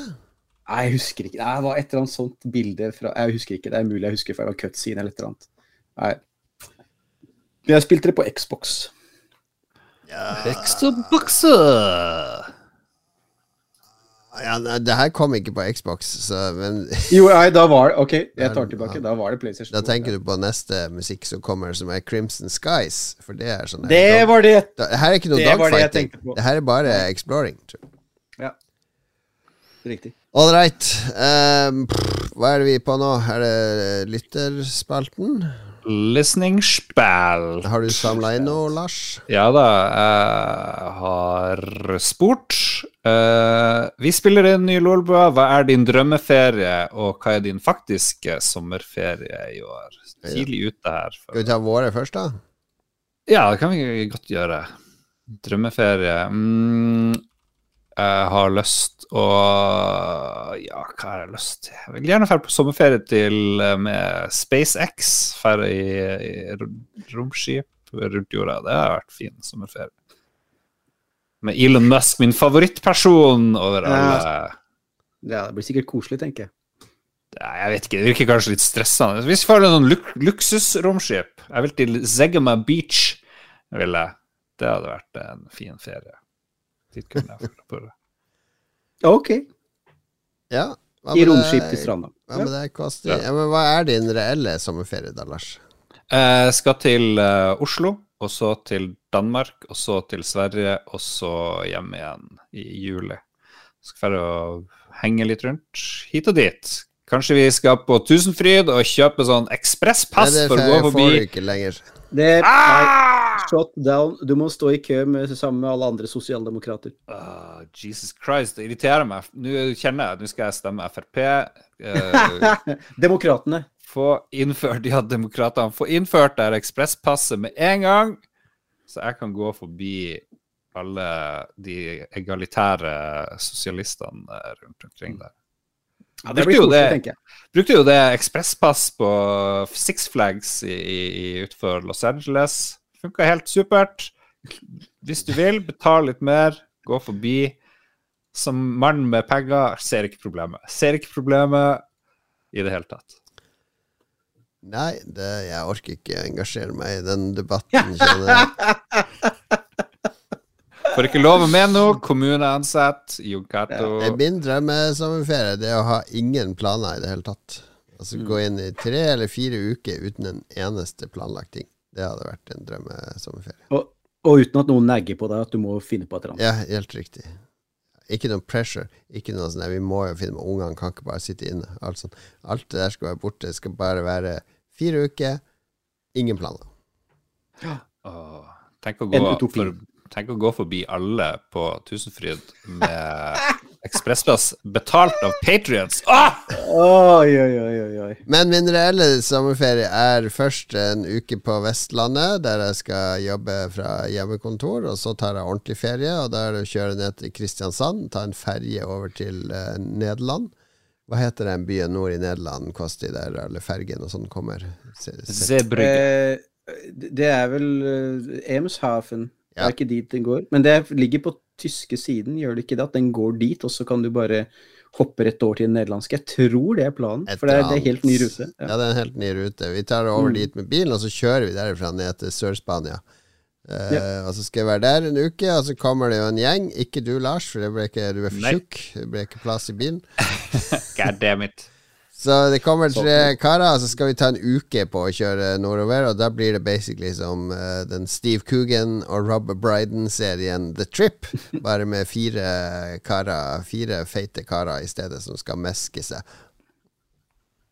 Det blir jo Ja, bedre. Det blir, det blir helt amazing. Ja, det, det er jo drømmeferien. Det blir en bra ferie, det, tror jeg. Ja. Og du, Kosti? Drømmeferie. Uh, stå på ski Nei. Men I'll get back to it. Stå på ski i Japan, eh, faktisk. Eh, Nord-Japan Oh. på ski der. Med sånt heiskort som gjør at jeg kan gå foran i køen. Det er min drømmeferie. Min realistiske ferie er eh, Hold dere fast. Jeg har akkurat blitt sykemeldt. Jeg oppdaget at jeg ikke hadde det helt bra. Eh, og da fant de blodpropper i lungene mine. Så jeg får What? ikke lov til å gjøre Ja, det er forrige søndag. Så jeg får ikke lov til å reise noe sted på tre måneder. Så Shit. ja, så det blir min Min ferie blir her i Harstad. Er du på observasjon, eller? Ja, jeg er på medisinering, observasjon og prøvetaking og bla, bla, bla. Fordi alt annet ser bra ut. Det er bare at de, de har, kroppen har produsert blodpropper, og de vet ikke helt hva det kommer av. Så, så jeg var på sykehuset her i byen, allerede stiftet bekjentskap med de, og veldig hyggelige folk. Veldig, Mm. veldig bra service, må jeg si. Eh, så de driver og tar alle slags prøver av meg. De, ringer seg 'Kan du komme hit?' Ja, jeg kommer. Og så må jeg gi blod som regel, et eller annet annet. Ja. Da passer det bra at du har gaming-PC på vei, da, hvis du skal sitte hjemme i tre måneder. Ikke, ikke sant. Så jeg, jeg, Jeg skjønner at du har begynt med EVE Online og sånne ting òg. ja, det hadde nok litt sammenheng. Det hadde det. Ja. Men Ja. eh, så jeg får ikke Jeg får ikke lov til å jobbe hvis jeg har en sånn, skal jeg si, sykdom. Men eh, Nei. Nei. Eh, Men når, de regner jo med at det her, de kommer til å ta seg av det her, og så fort jeg får tilbake mitt medisinske sertifikat, så er det tilbake back to the hamster wheel. Ja, for det er gode prognoser, altså. Det er ikke Ja, ja, ja. Nei da, det, nei, det, ser, det ser bra ut. Det, det gjør det, helt klart. Jeg responderer på medisin også, så ja. Ja. Men det er litt kjipt, da. Det, skal, det, det syns jeg jo selv også. Ja, det er jo ikke noe gøy. Mm. Du kan Nei, ikke ta 10G, liksom, i F18. Da tror jeg det er over og ut for meg, faktisk. mm. Så Solid eh. Solid copy on that. Red Ja, ja, ja. Rooster. jeg har jo hatt blodpropper en gang før, og det, det var mens jeg, mens jeg hadde kreft. Og da var jeg også langtidssykemeldt, og da kjeda jeg jo vettet av meg. Og så har jeg en kompis i Sverige som er Han er flyver, og han, har, han er flygeleder, og han har eget fly, da. Så han er liksom Maverick. Og så sa han til meg ja, kom, kom på besøk hit, Kosti, til Skåne, så skal vi ha det litt kul og fly litt flygplan. Ja, men jeg får ikke, jeg får ikke lov til å fly, sant. Ja, jo, jo, men vi, vi flyger på 500 fot, altså på 125 meter. Så gjorde vi det. Fløy Skåne rundt på, lav, på knehøyde. Det var dritartig. Så ja, det var gøy. Det var veldig artig. Mm. Nei, men nå må vi ønske god bedring, da. Det er Jo, takk, jo kjedelig å måtte være Ja. Ja, det er det, men det, det ordner seg. Det er bare at man må være tålmodig. Det er ikke noe mer enn det. Bra. Vi lover i hvert fall å produsere Lolbua gjennom hele sommerferien, så Ja. du skal uh, holde motet Ja. oppe ved å ha oss Ja, på øret når du miner Når du driver og, og kjøper i store kvanta og selger billig i, i Og selge billig. Jepp, det skal jeg gjøre. Og bli sur på de som vil holde prisen oppe. Du er basically eh, Idar Vollvik i Vanline. Mm Mm. Jeg, Idar, ja, jeg, skal bare pakke om krystallen i noen andre esker, og så skal jeg selge. ja. Ok, lytterne har også bidratt der. Torbjørn uh, Skau han eh, er jo på at drømmeferien er alltid Japan, men det er jo fortsatt umulig. Ja, fordi det, er, det er ganske kjipe mot turister i Japan Ja. fortsatt, har jeg skjønt. Det er ikke, det er ikke akkurat noe, no target du bør sette deg i næreste fremtid hvis du har lyst til å Det dra på ferie. Hva er det slags Nei. crazy opplegg å bare nekte folk eh, Rasistene i de kommer endelig, kan endelig komme til rette. Det er nasjonalismen deres. Og, eh, altså, de, de tenker jo ikke på turisme i det hele tatt, virker det som. Nei. Jeg har ei god venninne i Japan som gikk på skole med Indonesia. Jeg chatter litt med henne rett som det er, og spurte henne tror det blir sånn neste vinter, tror det blir OK å kanskje komme og stå på skill? Bare ehm, Se det litt an, tenk det litt om, hør med meg, liksom. Ja. Hmm. Ja. ja ja. Men han skal i hvert fall, i stedet for å dra til Japan, så skal han padle Luostejokka. Oh, Er det en samisk okay. elv i Porsanger? Det høres ut som et veldig samisk navn. Så er det riktig. Luostejokka. U O Høres og bra. O er Å på samisk, da. Lostejokka. Lostejokka, tror jeg det blir. Lostejokka. Ja, noe sånt. Ja. Ja, det, det er en elv da som er i Porsanger. Jesus lord. Jeg skal padle i juli, og så skal han på Beyond the Gates i Bergen i august. Eh, Beyond the Gates er tydeligvis en festival, for der skal han se Merciful Fate, Emperor, Satyricon, Mayhem uh, Emgla, er det det står?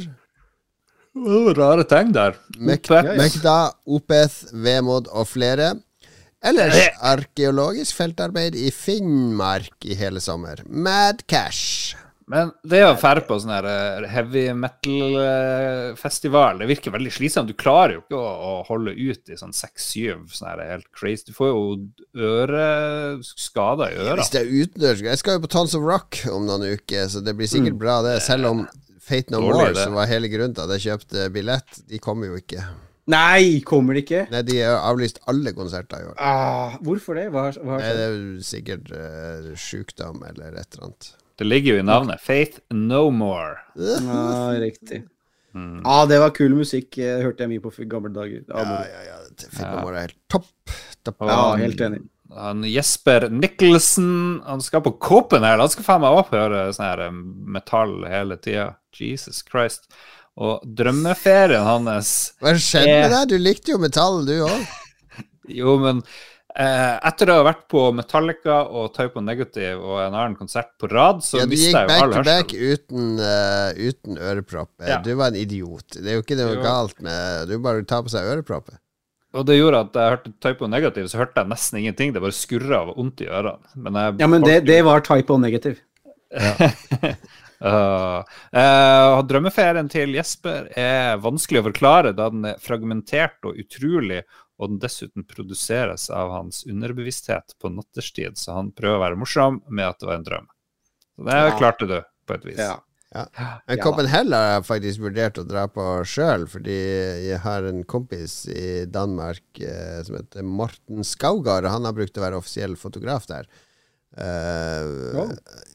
Og han eh, Jeg har alltid tatt så mye bra bilder fra Copenhagen, og så har de ofte veldig bra lineup. Og så er det noe med festival i København som eh, appellerer til meg, midt i byen. Det er lite som er mer kjedelig enn sånn fotografier fra rockekonserter hvor de står med sånn brei beinføring og hyler og skriker. Det er jo de samme bildene hele tida. Trenger Ja, bare men ett det bilde. er, det er noe Han har noen uh, Copenhagen-bilder som er uh, veldig, veldig, veldig, veldig bra. Jeg, jeg tenker veldig Vigvam når du sier sånt. Uh, Lars Ja. Sånn, står breibeint på scenen, tar bildene fra litt sånn nedenfra. Da tenker jeg han er Åge i Vigvam med en eneste gang. Ja, du trenger bare ta bilde av ett metal-band, og så har du et bilde av alle, egentlig, bortsett fra de forskjellige klær og sånn. Han er Så også det- god å ta bilder av publikum og sånn. Det er ofte morsomme bilder. Ja, det er kulere. Kan jo være noe. Hot chicas. Mamas. det er ganske vanskelig å ta sånne konsertbilder når det er mørkt på scenen, og de lyskasterne og sånn, og få de eh, crispy og gode. Jeg tror det er det enkleste i verden. å Bare holde inn knappen, og så får du ett bra Å, Herre Jesus, Mr. Expert, Mr. Know-it-all! Thank you, Mr. Know-it-all! Olav Øyan mener at drømmeferien er at familien drar akkurat hvor de vil, mens jeg blir hjemme. Den faktiske ferien er at han må bli med. Nice. That's funny. Funny. Tom Wilhelm vet han, eh, han eh, Ja. Vi må ikke gå videre så fort. Du Nei. vet han Keiko, han der den treneren, han Tom, eh, Tom Nordli, Ja. fotballtreneren. Han I 50-årsgave så ønska han seg en uke på hytta alene. Fra kona. Og det, det fikk han. Og det var, men det er helt fair. Altså, er du introvert og alle mulige sånne ting som han får energi av å være alene, så er jo det, det er jo en drømmeferie. Jeg hadde jo også faktisk likt å være en uke alene på hytta. Ja. Drømmeferien min, drømmeferien min forresten nå er at jeg drar et annet sted, og så blir huset helt magisk når jeg kommer hjem. Jeg kan, dra, jeg kan ligge under en bru i Oslo, kan jeg gjøre, så lenge alt er bra. Anyway, Tom Wilhelm Ødegaard, hjemmeferie i år, og så sparer han penger eh, med noe jobbing. Og drømmeferien Hawaii! Og det må jeg si, det. jeg har også litt lyst til å dra til Hawaii. Jeg har lyst til å surfe. Jeg har lyst til å prøve å Du, surfe. Du, dra, du kan dra til Stavanger og surfe. Point break. Jeg vil ikke surfe i Norge. Sånn her Du kan, eh, du kan dra til Bleik utenfor Andenes og surfe Ja, der. Der er det Nei, nei. Andenes Arctic Aloha. Det, Bare bare innrøm det, Lars. Det er ikke det at du vil dra og surfe, du vil bare dra til Hawaii. Surfing er Ja. ingenting. Du kommer ikke til å klare å stå på du kommer, du kommer ikke til å klare å padle ut med armene Klarer med det surfbrettet. Og du kommer ikke til å klare å reise deg opp engang. Nå syns jeg du er veldig negativ. Jeg som er så positiv. Du har jo ennå ikke bada etter du lovte å bade for alle patrions. Jeg bada i sjøen her i Bodø. Jeg så til og med slagen fra Harstad så jeg på Instagram og var ute og bada uh, her om dagen. Det var litt artig.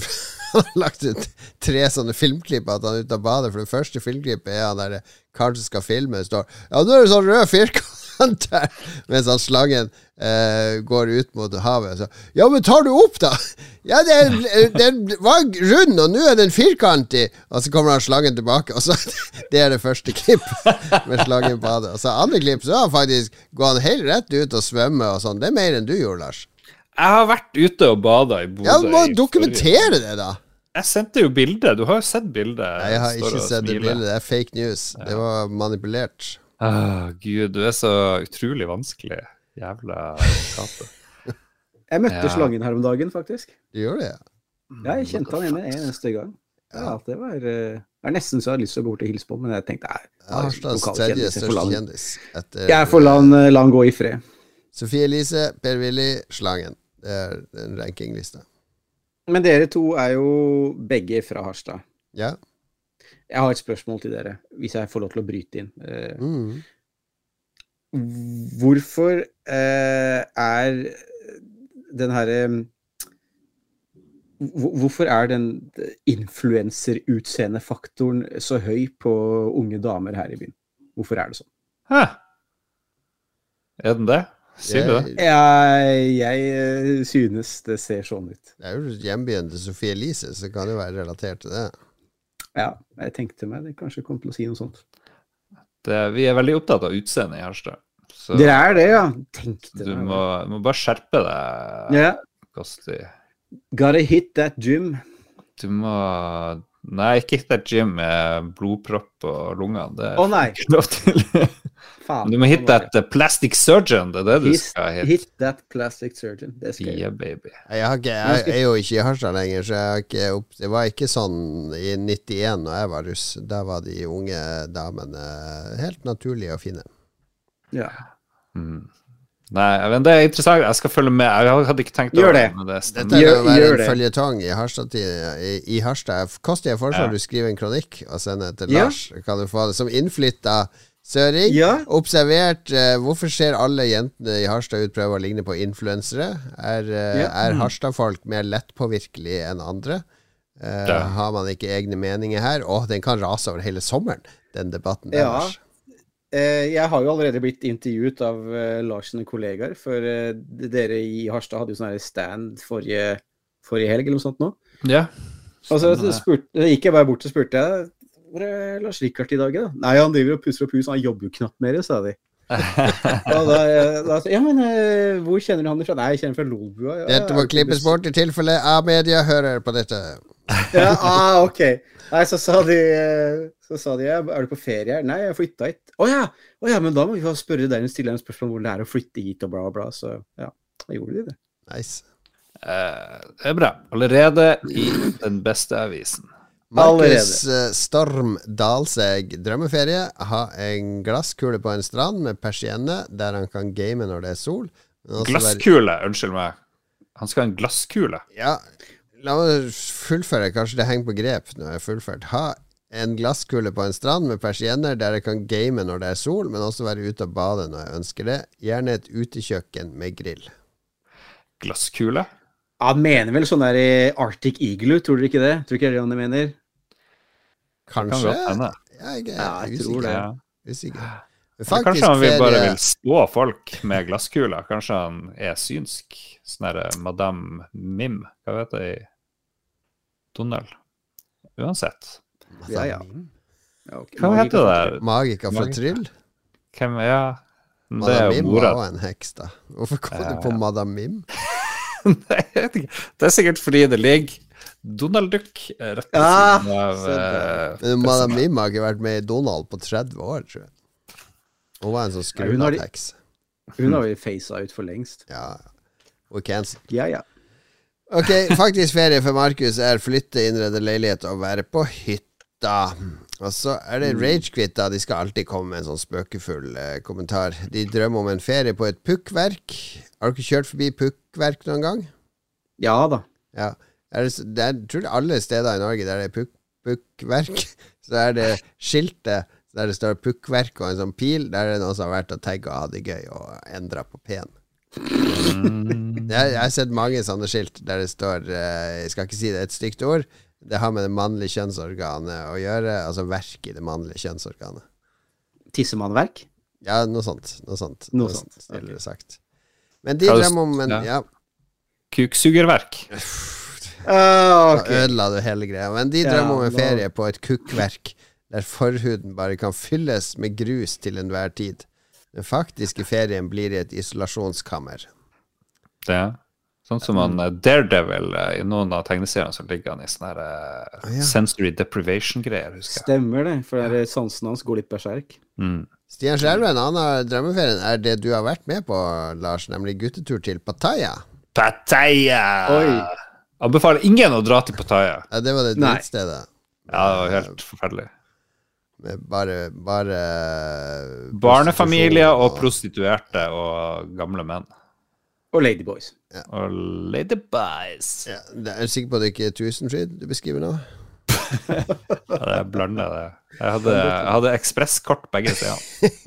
Ekspresskort på Tusenfryd, det får deg litt av hvert. Ja, ja, ja.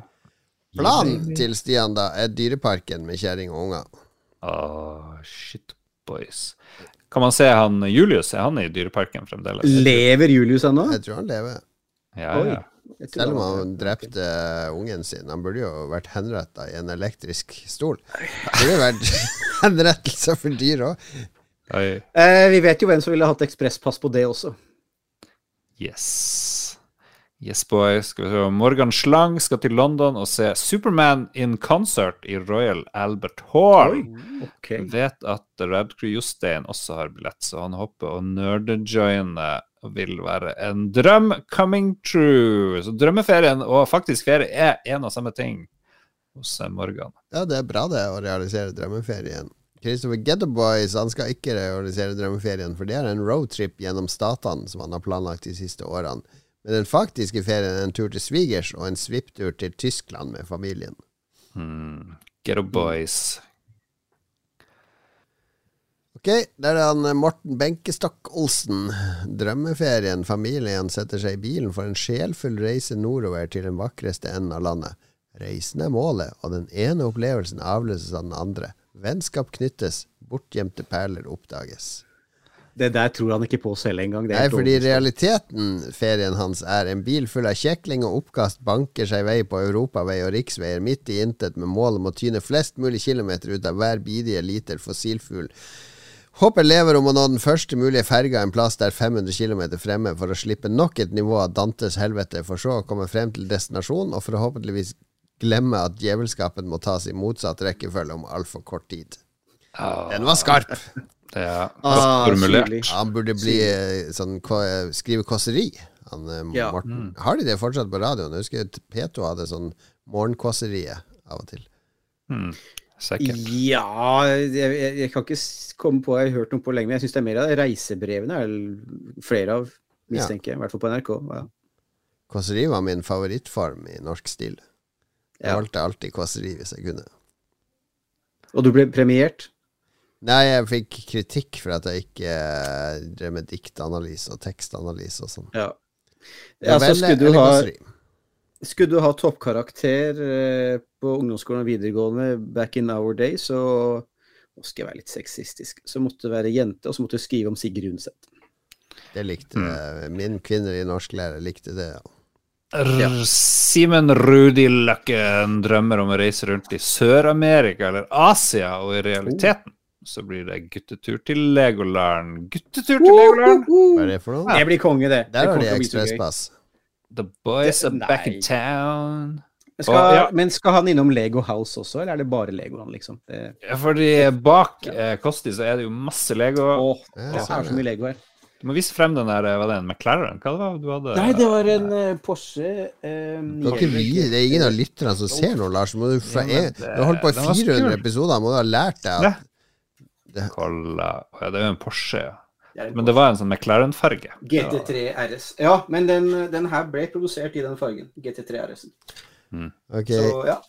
Det er masse annet her også. Men eh, jeg skal ikke plage dere med Batmobil 89, f.eks. Uh, vi må bli ferdig med disse feriene. Eh, Adrian eh, Nei, Simen Rudløken Rudløkken, drømmeferien er å reise rundt omkring i Ja. Sør-Amerika eller Den Asia. Har du sagt den? vi, ja, vi tok den. Ok. Det er det Adrian Haugen, da. Det må bli reise i Japan fra nord til sør og oppleve de enorme forskjellene i både klima og kultur. Klima som i varmt vær, nei, varmt vær, kaldt vær. Jeg, jeg så nettopp den der filmen Drive My Car. Den uh, Oscar-vinneren fra Japan. Litt oppskrytt. Han har en annen film som han også lagde i fjor, som jeg, som jeg også har sett, som er tre novellefilmer, som jeg syns var mye bedre. Ja. Men- Drive My Mother heter den. ah, ok. Men Drive My Car eh, den er jo lang som et ondt år. Og så der, I den filmen så kjører de den bilen da fra uh, Hiroshima og opp til uh, Sapporo, oppi, langt opp i nord der. Og det kjør, kjører fra sånn her eh, høst Det er vel desember, så det er litt sånn høst, kaldt der nede, opp til masse, masse snø. Ja. Mm. Der skulle jeg vært med.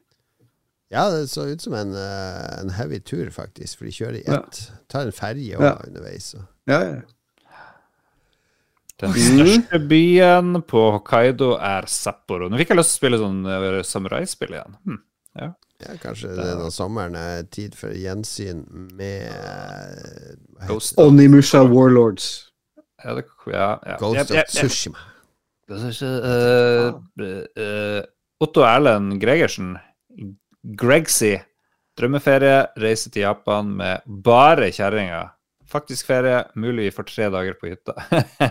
med kjerring og tre barn. Svenny Philip, Han har den beste.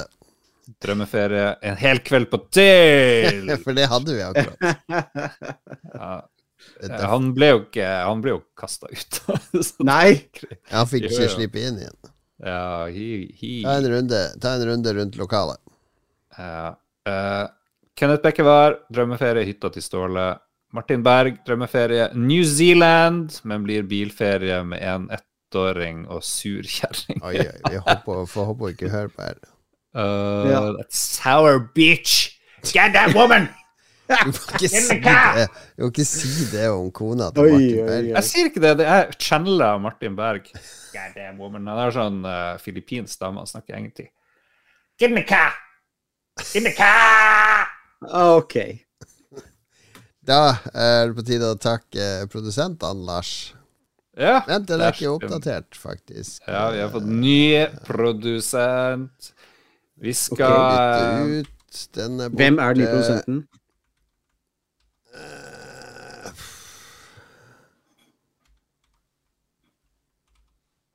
Uh, uh, uh,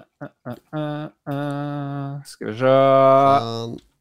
Ok. Eh, Vi skal takke Og det vi kan gjøre, er å gi dem call signs. Vi må gi alle call signs. Yes, det er jo en Top Gun-episode. Ja, og vi begynner med Annabeth, our queen.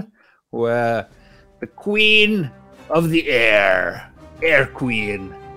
She produces air. She's farting a lot. She's the Anna Airbet. Beklager den, altså. Det var veldig dårlig eh, opplegg. Neste. Har, har du lista nå, Kosti? Eh, lista eh, på hvem som er eh, produsenter. bare- Eh, hvem var det som var Air Queen? Var det Anne Beth? Ja. Duke Jarlsberg. Der har han jo fått eh, callsign allerede, Duke. Eh, så kan vi tone ned musikken litt, kanskje? så det går an å gjøre det. Eh, OK. Kobrakar har jo allerede Det er jo så må gi dem nye navn. Ja, hvem er de nye navnene, da? Duke Jarlsberg heter bare Duke Jarl. Du må gi han et ekstra nytt callsign. OK, OK. ok, ok. Duke The Duke Jarlsberg. Ah, shit.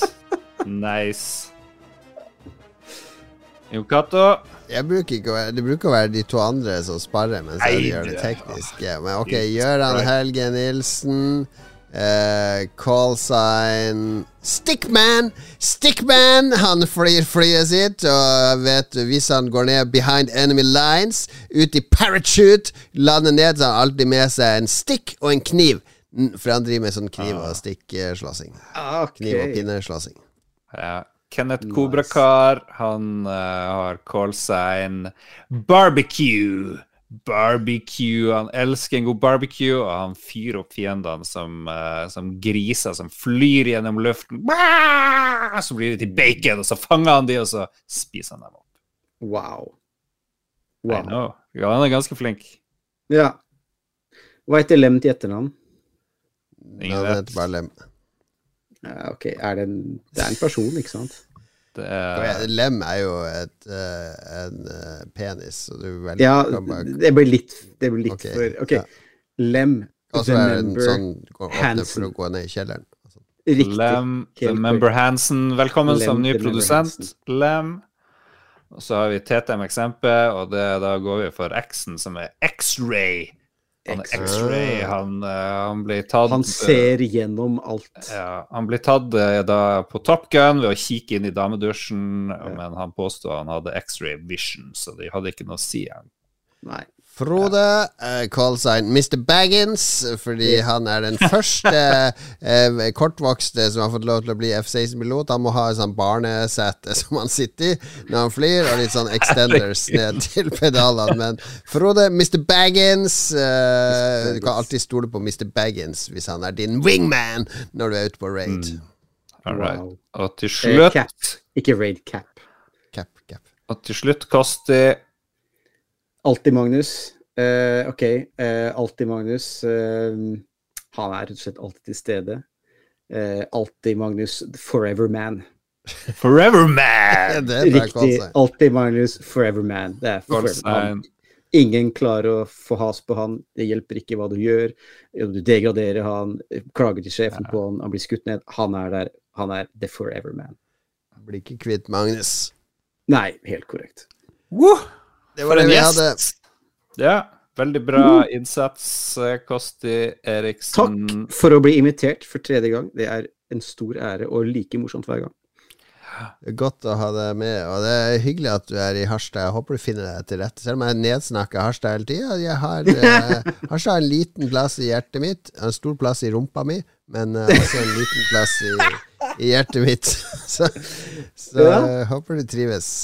Jon Ja, da. og Assman Lorentzen. Oh yes. Yes. Takk til alle som hører på. Du kan støtte oss på Patreon Vi har også fått en ny podkast. Vi skal ha inn en av de, eller begge to kanskje, som gjest neste gang. Eh, Håkon og Adrian, som driver podkasten Spill. De er nå en del av Lolbua-familien. Vi har gjort om på Patreon-sida vår. Eh, jeg, jeg, jeg, bedt Lars uh, fikse opp hjemmesida vår, men jeg tipper at huset hans er ferdig oppussa før den hjemmesida vår er uh, fiksa. Jeg har, har Top Men. Top Men er på saken. Vi får se. Det, blir Men, ja, det er sikkert billigere å pusse opp huset hans også, tenker jeg. antagelig. Antagelig. Dette blir dyrt, så um, ja. Støtt oss hvis du kan, hvis ikke bare hør på oss. Ragequid, Lico og Gjeddas univers, Spillrevyen. Og hva med Ja, spill er den siste. Det begynner å bli så mye at vi må ha en egen informasjonspodkast om podkastene våre. Ja. Litt av et imperium. På, vi hører på Time Pilot. Takk for at du var med, Kosti. Og kjempegod bedring. Vi krysser fingra og tær for Takk, deg. takk. Takk skal du ha.